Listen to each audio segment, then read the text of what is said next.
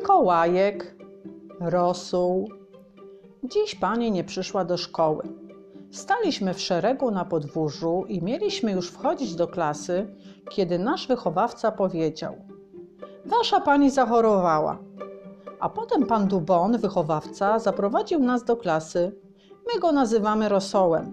Oczywiście wtedy, kiedy nie słyszy. Nazwaliśmy go tak, bo on ciągle mówi: Spójrzcie mi w oczy. A na rosole są oka. Ja z początku nie mogłem się z tym połapać, ale starsze chłopaki mi to wytłumaczyli. Rosół ma duże wąsy, często wlepia kary, nie ma z nim żartów. Byliśmy więc niezadowoleni, że będzie nas pilnował, ale na szczęście powiedział nam w klasie: Nie mogę zostać z wami, bo muszę być u pana dyrektora. Spójrzcie mi w oczy i obiecajcie, że będziecie grzeczni. Wszystkie nasze oczy spojrzały w jego oczy i przyrzekliśmy. Zresztą my zawsze jesteśmy zupełnie grzeczni.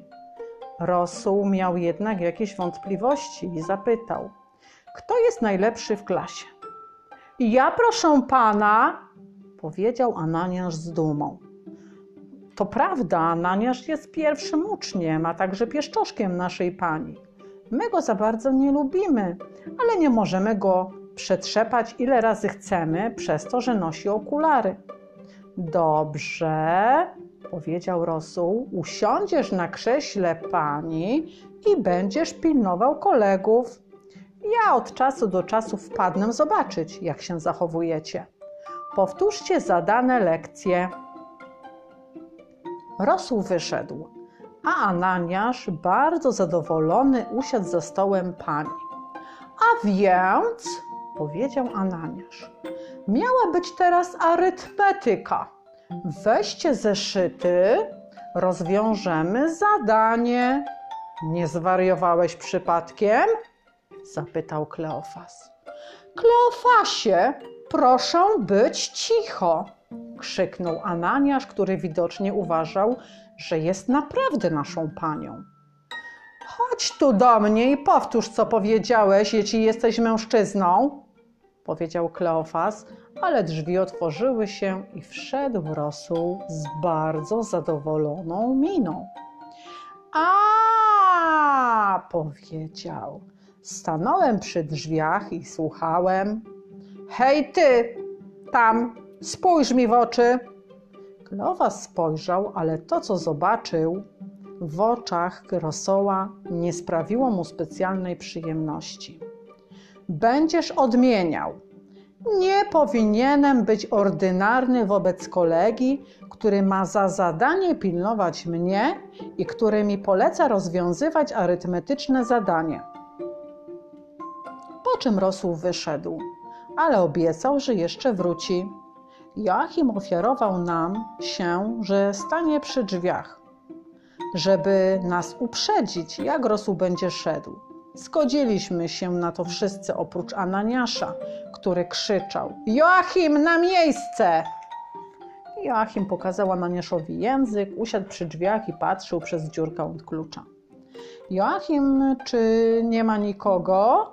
spytał Kleofas. Joachim odpowiedział, że nie widzi. Wtedy Kleofas wyszedł z ławki i powiedział, że teraz Ananiasz będzie musiał zjeść swoją książkę do arytmetyki. To był naprawdę pyszny pomysł, ale nie spodobał się Ananiaszowi, który krzyknął: Nie, ja mam okulary!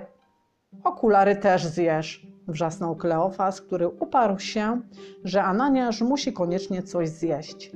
Ale Gottfried powiedział, że po co tracić czas na głupstwa, lepiej zagrać w piłkę. A zadania? zapytał Ananiasz z niezadowoloną miną.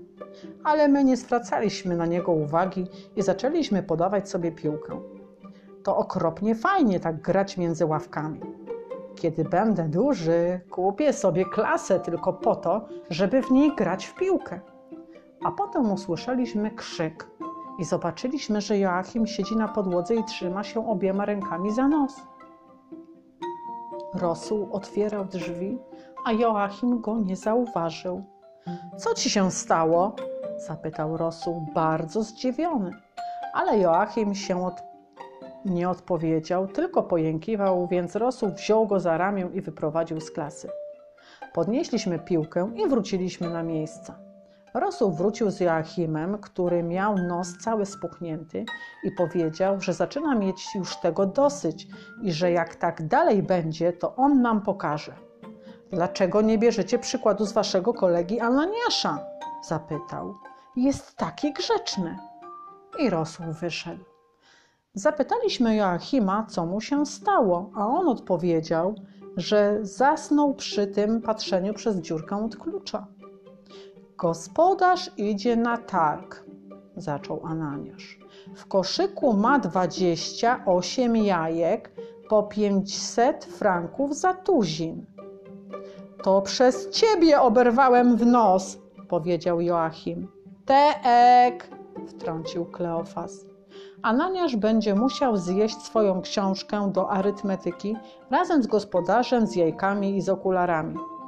Wtedy Ananiasz zaczął płakać, powiedział, że jesteśmy obrzydliwi, że opowie o wszystkim swoim rodzicom i rodzice każą nas wszystkich wyrzucić ze szkoły. A potem Rosół znowu otworzył drzwi. My wszyscy siedzieliśmy na swoich miejscach i nic nie mówiliśmy. Więc Rosół spojrzał na Ananiasza, jedynego, który płakał za stołem pani. No więc jak? zapytał Rosół. Teraz ty wyprawiasz jakieś hece? Zwariuję przy was. Za każdym razem, kiedy wchodzę, któryś błaznuje. Spójrzcie mi w oczy. Jeśli jeszcze raz zobaczę, że coś jest nie tak, jak trzeba, ukażę was. I znowu wyszedł. No więc uważaliśmy, że trzeba przestać błaznować, bo nasz wychowawca, kiedy jest zły, wlepia okropne kary. Siedzieliśmy jak trusie. Słychać było tylko chlipanie Ananiasza i mlaskanie Alcesta, tego kolegi, co ciągle je. A potem usłyszeliśmy cichy szmer przy drzwiach. Zobaczyliśmy, że wolniutko porusza się klamka i drzwi, skrzypiąc, zaczynają się pomalutku uchylać. Popatrzyliśmy i wszyscy wstrzymaliśmy oddech. Nawet Alcest przestał mlaskać. I nagle ktoś krzyknął: To rosół! Drzwi się otworzyły i wszedł rosół, cały czerwony. Kto to powiedział? zapytał. Mikołaj, powiedział Ananiasz. To nieprawda, ty wstrętny kłamczuchu! I to prawda, że to nie była prawda, bo to powiedział Rufus. A właśnie, że to ty, właśnie, że to ty, właśnie, że to ty! krzyknął Ananiasz i zaczął beczeć. Zostaniesz po lekcjach, powiedział do mnie Rosół. Więc zacząłem płakać. Powiedziałem, że to niesprawiedliwe, że pójdę sobie ze szkoły i że dopiero pożałują, jak mnie nie będzie. To nie on, proszę pana, to Ananiasz powiedział Rosół, krzyknął Rufus. To nie ja powiedziałem Rosół, krzyknął Ananiasz. Ty powiedziałeś Rosół. Sam słyszałem, jak powiedziałeś Rosół, właśnie Rosół. Dobrze, powiedział Rosół. Wszyscy zostaniecie po lekcjach. A dlaczego ja? zapytał Alcest. Przecież ja nie mówiłem Rosół. Nie chcę już słyszeć tego głupiego przezwiska. Zrozumiano? krzyknął Rosół okropnie zdenerwowany. Ja nie będę odsiadywał, krzyknął Ananiasz z płaczem i rzucił się na podłogę i dostał czkawki i zrobił się cały czerwony, a potem cały siny. Prawie wszyscy w klasie krzyczeli albo płakali i myślałem, że już, że Rosół też zacznie płakać, kiedy wszedł dyrektor. Co się tu dzieje, Ros? Panie Dubon? zapytał dyrektor. Pojęcia nie mam, panie dyrektorze, odpowiedział Rosół. Jeden wije się po podłodze, drugiemu krew leci z nosa. Kiedy otwieram drzwi, reszta ryczy. Nigdy czegoś podobnego nie widziałem. Nigdy. I Rosół zaczął targać sobie włosy, a jego wąsy poruszały się we wszystkie kierunki. Nazajutrz pani wróciła, ale za to Rosół nie przyszedł do szkoły.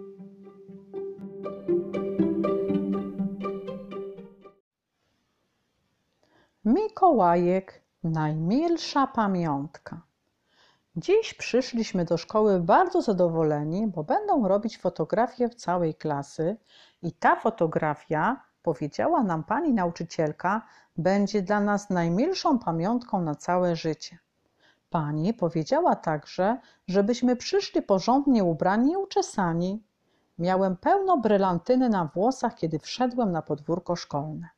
Wszyscy koledzy już byli, a pani strofowała właśnie Gottfryda, który był ubrany jak Marsjanin. Gottfried ma strasznie bogatego tatę, który mu kupuje masę zabawek, co tylko Gottfried chce. Gottfried mówił pani, że on absolutnie chce być sfotografowany jako Marsjanin, no jeśli nie, to sobie pójdzie. Fotograf był już ze swoim aparatem i pani mu powiedziała, że trzeba szybko zrobić zdjęcie, bo przepadnie nam lekcja arytmetyki. Ananiasz, pierwszy uczeń i pieszczoszek naszej pani, powiedział, że to by była szkoda stracić lekcję, bo on bardzo lubi arytmetykę i rozwiązał wszystkie zadania, które były na dzisiaj. Eusebiusz, jeden kolega, który jest bardzo silny, chciał dać Ananiaszowi fangę w nos, ale Ananiasz nosi okulary i nie zawsze można go bić. Pani zaczęła krzyczeć, że jeśli się nie uspokoimy, nie zrobi się fotografii i pójdziemy do klasy. Wtedy fotograf powiedział: Spokojnie, spokojnie. Ja wiem, jak trzeba rozmawiać z dziećmi. Wszystko pójdzie jak składka. Fotograf kazał nam się ustawić w trzy rzędy. Pierwszy rząd będzie siedział na ziemi, drugi będzie stał, pani będzie siedziała w środku na krześle, a trzeci rząd ustawi się na skrzynkach. Ten fotograf ma naprawdę fajne pomysły. Po skrzynki poszliśmy do szkolnej piwnicy. W piwnicy było prawie ciemno, więc podokazywaliśmy sobie, a Rufus włożył na głowę stary worek i tak długo krzyczał, Uuu, jestem duch! Aż przyszła pani i zdjęła mu ten worek. Rufus był bardzo zdziwiony, kiedy zobaczył panią. Wróciliśmy na podwórze, a pani puściła ucho Rufusa i stuknęła się ręką w czoło. Przecież jesteście zupełnie czarni, powiedziała. Prawda. Przez to błaznowanie w piwnicy zabrudziliśmy się trochę. Pani nie była zadowolona, ale fotograf powiedział, że nie szkodzi i że zdążymy się umyć, zanim on ustawi skrzynki i krzesło do fotografii. Poza Ananiaszem, jedyny, który miał czystą twarz, to był Gottfried, bo na głowie miał swój kask Marsjanina, który wyglądał jak słój. Widzi pani? Powiedział Gottfried do pani nauczycielki. Gdyby wszyscy przyszli ubrani tak jak ja, nie musielibyśmy się teraz myć. Myślałem, że pani miała ochotę wytargać Gottfrieda za uszy, ale to było niemożliwe przez ten słój. Fantastyczny jest taki kostium Marsjanina. Obmyliśmy się, przeczesali i wróciliśmy na podwórze. Byliśmy trochę mokrzy, ale fotograf powiedział, że to nie szkodzi, że na fotografii tego nie będzie widać. Czy chcecie zrobić przyjemność waszej pani? zapytał nas. Odpowiedzieliśmy, że tak, bo przecież lubimy naszą panią. Jest strasznie miła, kiedy jej nie denerwujemy. No więc, powiedział fotograf, ustawcie się grzecznie do zdjęcia. Najwyżsi staną na skrzynkach, średni staną na ziemi, a mali sobie usiądą. Zaczęliśmy się już ustawiać i fotograf mówił do pani, że z dziećmi wszystko się zrobi cierpliwością, ale pani nie mogła wysłuchać go do końca. Musiała nas rozdzielić, bo wszyscy chcieli stać na skrzynkach. Tylko ja jestem wysoki! krzyczał Eusebiusz i spychał tych, którzy chcieli wejść na skrzynki. Gottfried nie chciał ustąpić i Eusebiusz trzasnął go w słój, aż go ręka zabolała. Musieliśmy potem w kilku wyciągać głowę Gottfrieda ze słoja, bo słój nie chciał zejść. Pani powiedziała, że ostrzega nas po raz ostatni i że zaraz pójdziemy na lekcję arytmetyki, więc postanowiliśmy się uspokoić i zaczęliśmy się ustawiać. Gottfried podszedł do fotografa i zapytał: Co to za aparat? Fotograf uśmiechnął się i powiedział: To takie pudełko, z którego wyfrunie ptaszek, mój malutki. To stary grat, powiedział Gottfried. Mój tata dał mi aparat z osłoną, obiektywem szerokokątnym, teleobiektywem i oczywiście z fleszem. Fotograf zrobił zdumioną minę, już się nie uśmiechał, tylko powiedział, żeby Gottfried poszedł na swoje miejsce. A czy ma pan chociaż komórkę fotoelektryczną? Zawołał Gottfried. Mówię ci po raz ostatni, wracaj na miejsce! krzyknął fotograf, nagle czegoś bardzo zdenerwowany. Wreszcie ustawiliśmy się. Ja siedziałem na ziemi obok Alcesta. Alcest to mój kolega, który jest bardzo gruby i który ciągle je. Właśnie zjadł bułkę z dżemem i fotograf powiedział, żeby przestał jeść, ale Alces odpowiedział, że on się musi odżywiać. Zostaw tę bułkę, krzyknęła pani, która siedziała tuż za Alcestem. Alcest tak się przestraszył, że bułka wysunęła mu się z ręki na koszulę. No i świetnie, powiedział Alcest, próbując zebrać dżem bułką. Pani powiedziała, że nie pozostaje nam nic innego, jak tylko posłać Alcesta do ostatniego rzędu, żeby nie było widać plamy na koszuli. Eusebiuszu, powiedziała pani, ustąp miejsca twemu koledze. To nie jest mój kolega, odpowiedział Eusebiusz.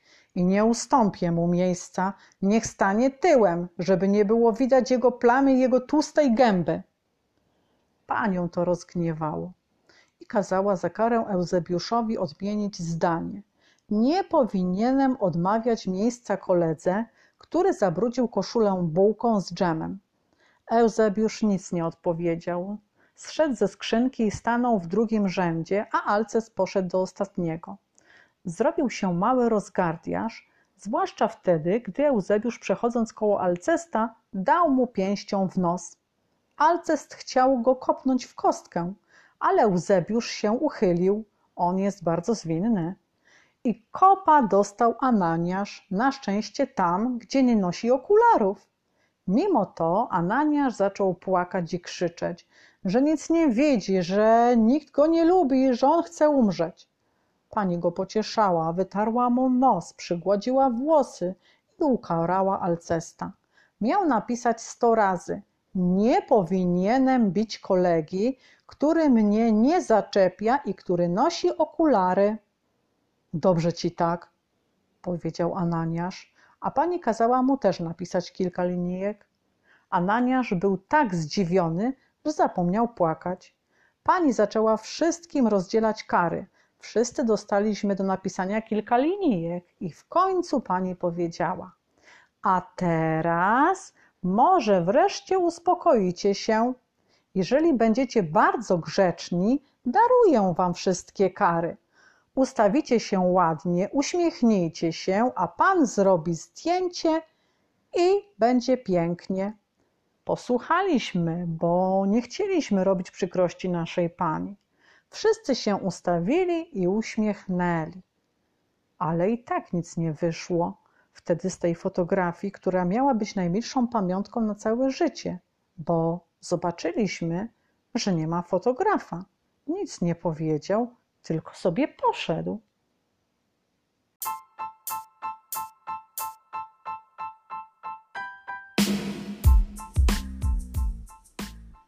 Jan Brzechwa żuk.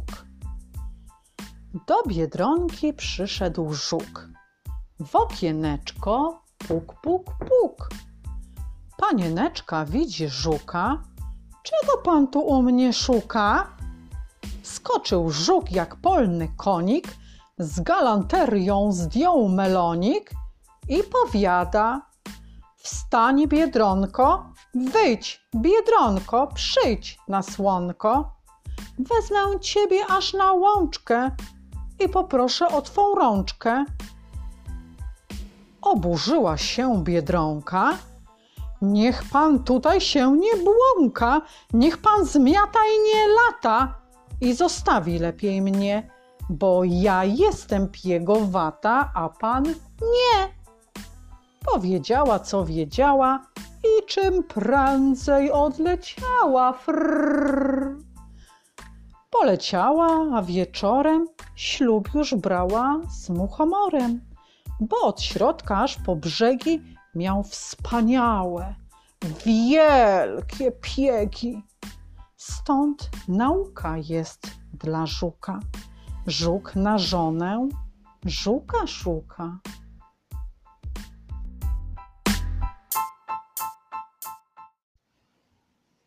Jan Brzechwa, żaba.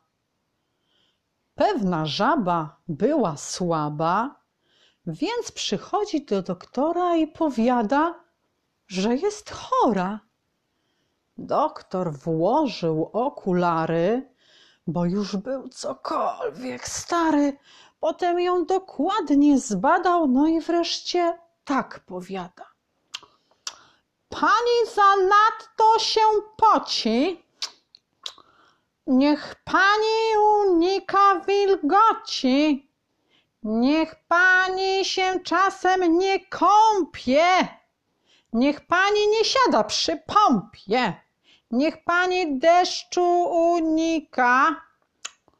Niech pani nie pływa w strumykach.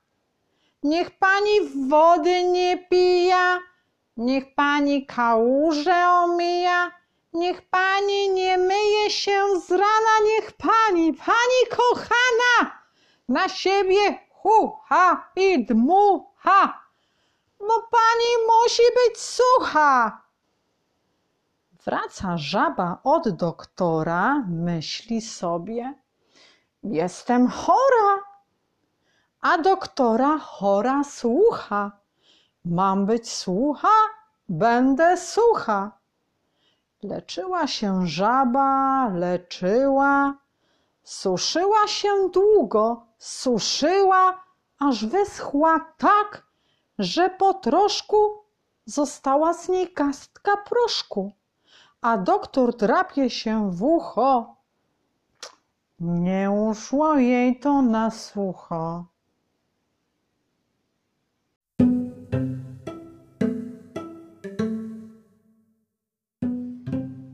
Jan Brzechwa, żaba. Pewna żaba była słaba, więc przychodzi do doktora i powiada, że jest chora. Doktor włożył okulary, bo już był cokolwiek stary. Potem ją dokładnie zbadał. No i wreszcie tak powiada. Pani zanadto się poci. Niech pani unika wilgoci Niech pani się czasem nie kąpie, niech pani nie siada przy pompie, niech pani deszczu unika, niech pani nie pływa w strumykach, niech pani wody nie pija. I niech pani kałuże omija. Niech pani nie myje się z rana, Niech pani, pani kochana, na siebie hucha i dmucha, bo pani musi być sucha. Wraca żaba od doktora, myśli sobie, jestem chora, a doktora chora słucha. Mam być sucha? Będę sucha. Leczyła się żaba, leczyła, suszyła się długo, suszyła, aż wyschła tak, że po troszku została z niej garstka proszku. A doktor drapie się w ucho. Nie uszło jej to na sucho.